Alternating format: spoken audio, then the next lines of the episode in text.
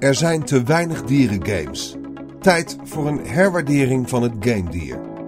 Geschreven door Arthur van Vliet voor Laatscherm.nl. Ingesproken door Arjan Lindeboom.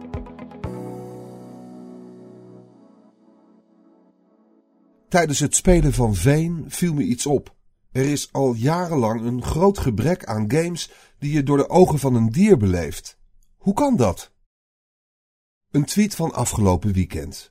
Jeremy Mitchell, ex-werknemer van onder meer id Software en Double Fine, richtte zich op Twitter tot collega gameontwikkelaars. Zijn oproep: Ratten en wolven zijn cool en het is creatieve armoede dat de beesten alsmaar worden gebruikt als vijand of prooi. Please stop making me kill rats and wolves in videogames. Thank you. Dat was toevallig. Afgelopen week speelde ik drie games die me aan het denken hadden gezet over dieren. Red Dead Redemption 2, Veen en Fugel lijken in bijna niets op elkaar, maar hebben één gemene deler. Er is een grote rol weggelegd voor het dier. Welke rol precies verschilt nogal per game. In Red Dead zijn beesten of vervoersmiddel of voedsel en in beide gevallen dus ondergeschikt aan de mens. In Veen zijn mens en dier gelijk. Het ene moment ben je een jongetje, het volgende een vogel. En vogel en jongetje kunnen niet zonder elkaar. In vliegsimulator Fugel eisen beesten de hoofdrol op. Je bent een dier, wordt omringd door dieren en je diert maar wat aan.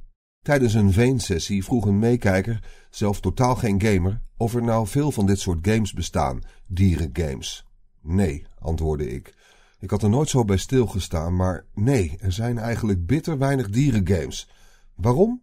Geen idee eigenlijk. Ik besloot me in de kwestie te verdiepen. Bear with me. Oké, dierengames in de brede zin van het woord zijn er genoeg. En gamedieren komen in alle soorten en maten voor. Maar juist die soorten en maten doen ertoe. Een duik in de historie van gamedieren leidt al snel tot de volgende taxonomie. Noem me gerust de Darwin van de dierengame. De Tamagotchi, of het huisdier. Zijn of haar verzorging is de game. Het beest staat volledig tot jouw dienst, mits je het virtuele hondenbrokken voert en af en toe een eye over de bol geeft. Denk ook aan Nintendogs en Laura's passie. Het vervoersmiddel. Het enige nut van dit dier is jou van A naar B vervoeren. Wederom staat het volledig in dienst van jou, de speler. Het is ook eigenlijk altijd een paard. Zie Zelda, Shadow of the Colossus, Assassin's Creed, The Witcher en, zoals al genoemd, Red Dead Redemption. De vijand. Echte dieren kunnen levensgevaarlijk zijn, gamedieren net zo goed. Denk aan de tweet van Mitchell. Denk ook aan de honden in Call of Duty, de beren in Red Dead en de kippen in The Legend of Zelda. Het decorstuk. Beesten die enkel en alleen bestaan om de spelwereld een beetje op te leuken. Zoals de uitstekende Daytona-meeuw, een modern kunstwerk. De prooi. Metal Gear Solid 3 was de eerste game waarin ik zelf op mijn eten moest jagen. Red Dead Redemption deed net zoiets, net als de nieuwe Tomb Raider games. Jachtsimulators vergeten we voor het gemak even. De buddy. Meestal een hond, zoals in Call of Duty Ghosts, Metal Gear Solid 5, Fallout 4 en Fable. Soms is het een verzonnen beest, zoals in The Last Guardian. Een buddy is ook zo'n dier dat puur bestaat om jou, de mens, ergens in te voorzien. De antropomorf. Ook wel de jaren 90. Dieren die praten als mensen, leven als mensen en zich kleden als mensen. Van Sonic tot Red Cat, van Star Fox tot Crash Bandicoot en van de Raving Rabbits tot de hele cast van Wacky Wheels. Zie het zo, als het personage net zo goed vervangen had kunnen worden door een mens, dan past hij in deze categorie. Okami, Rainworld en Donkey Kong zijn grijs gebied. Het dier. Je speelt als dier, een waarachtig onvervals dier. L'animal pour l'animal. Een wezen op vier poten, met twee vleugels, een vis in het water. Gameplay draait om kenmerken die zijn toe te schrijven aan het dier. Geen wormen met bazooka's, wel lemmingen die onverstoord richting hun doel marcheren en een spelwereld die daar min of meer op aansluit. Om die laatste categorie is het mij en mijn vraagsteller te doen. Ik houd hier voor het gemak even de term dierengame aan. Als het om dierengames gaat, gaven Snake, Frogger en Echo the Dolphin ooit het goede voorbeeld. Die games grepen een beest, pakten een kenmerkende eigenschap en bouwden daar een spel omheen. De ene met wat meer fantasie dan de ander. Frogger was een pijnlijk realistische weergave van het kikkerleven waar Snake zich wat meer vrijheden veroorloofde. En ondanks het totaal spacende einde was Echo the Dolphin een dolfijnengame in hart en nieren. Het bleef bij die goede voorbeelden. Op een drietal Echo-vervolgen na raakte de dierengame in een diepe winterslaap waar het nooit meer echt uit is ontwaakt. Er waren pogingen. Tokyo Jungle en Shelter waren geweldig. Spoor was oké. Goat Simulator was...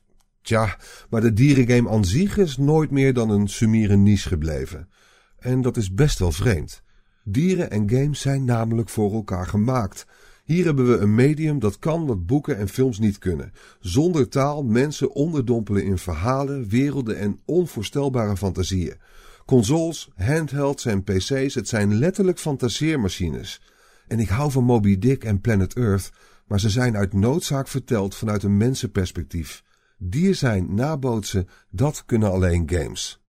Waarom zijn er dan zo weinig dierengames? En zegt de manier waarop we dieren behandelen in games iets over hoe we ons als mens verhouden tot dieren? De tweede vraag is het antwoord op de eerste. Er zijn namelijk genoeg games waarin dieren een rol krijgen, maar dan wel een bijrol als prooi, als vijand, als benenwagen. Games zijn een antropocentrisch feestje. Spelen doen we het liefst als mens of als beest met menselijke eigenschappen. En hoewel games dus bij uitstek geschikt zijn om het dierzijn te onderzoeken, vergt dat creativiteit, fantasie, nieuwsgierigheid, onderzoek en durf. Juist omdat er zo weinig dierengames zijn, is er misschien de angst dat een dierengame niet verkoopt. Lijkt me sterk eerlijk gezegd. Kijk naar sociale media. YouTube, Facebook en Twitter draaien op racistische troep- en dierenfilmpjes.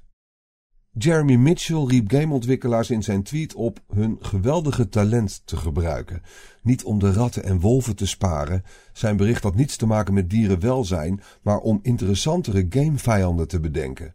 Ik ben juist benieuwd wat gamemakers met hun talent kunnen als ze eens verder kijken dan hun mensenneus lang is. Dat levert namelijk mooie dingen op. Kijk naar Friend Foe, de Team Ico spin-off studio die Veen maakte. Die game is een prachtige teringbende die je letterlijk laat schakelen tussen perspectief van mens en dier. Als raaf, is het een raaf? Waan je je koning van het luchtruim, kijk je verder dan de horizon, maak je pijlsnelle duikvluchten en scheer je rakelings langs rotswanden. In Vugel doe je niet veel anders. Volgens mij zijn er duizenden ideeën te bedenken door mensen creatiever dan ik. Untitled Goose Game bijvoorbeeld, dat later dit jaar moet verschijnen. Een gans versus de mens. Hoe verzin je het? Of Wild, als Michel Ancel dat megaproject ooit nog afkrijgt. Of het mysterieuze kattenproject HK, dat ook al jaren in ontwikkeling is. Misschien is het tij aan het keren, misschien is het wachten op een grote hit voordat andere gamemakers zich wagen aan een dierengame. Als er één schaap over de dam is, volgen er meer.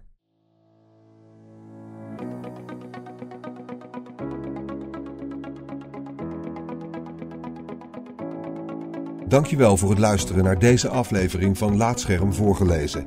Als je waardeert wat we hier doen, dan zouden we het leuk vinden als je iemand anders vertelt over laatscherm.nl of een van onze verhalen deelt op social media. Laatscherm is ook te vinden via Spotify. Dat maakt het nog makkelijker om verhalen te beluisteren en te delen. Je kunt ook heel eenvoudig 5 sterren achterlaten in de podcast-app van Apple en eventueel een tekstje, waardoor we weer beter vindbaar worden voor anderen. Luister ook naar onze andere podcast, Praatscherm, en ga voor meer verhalen, geschreven of gesproken, naar laatscherm.nl.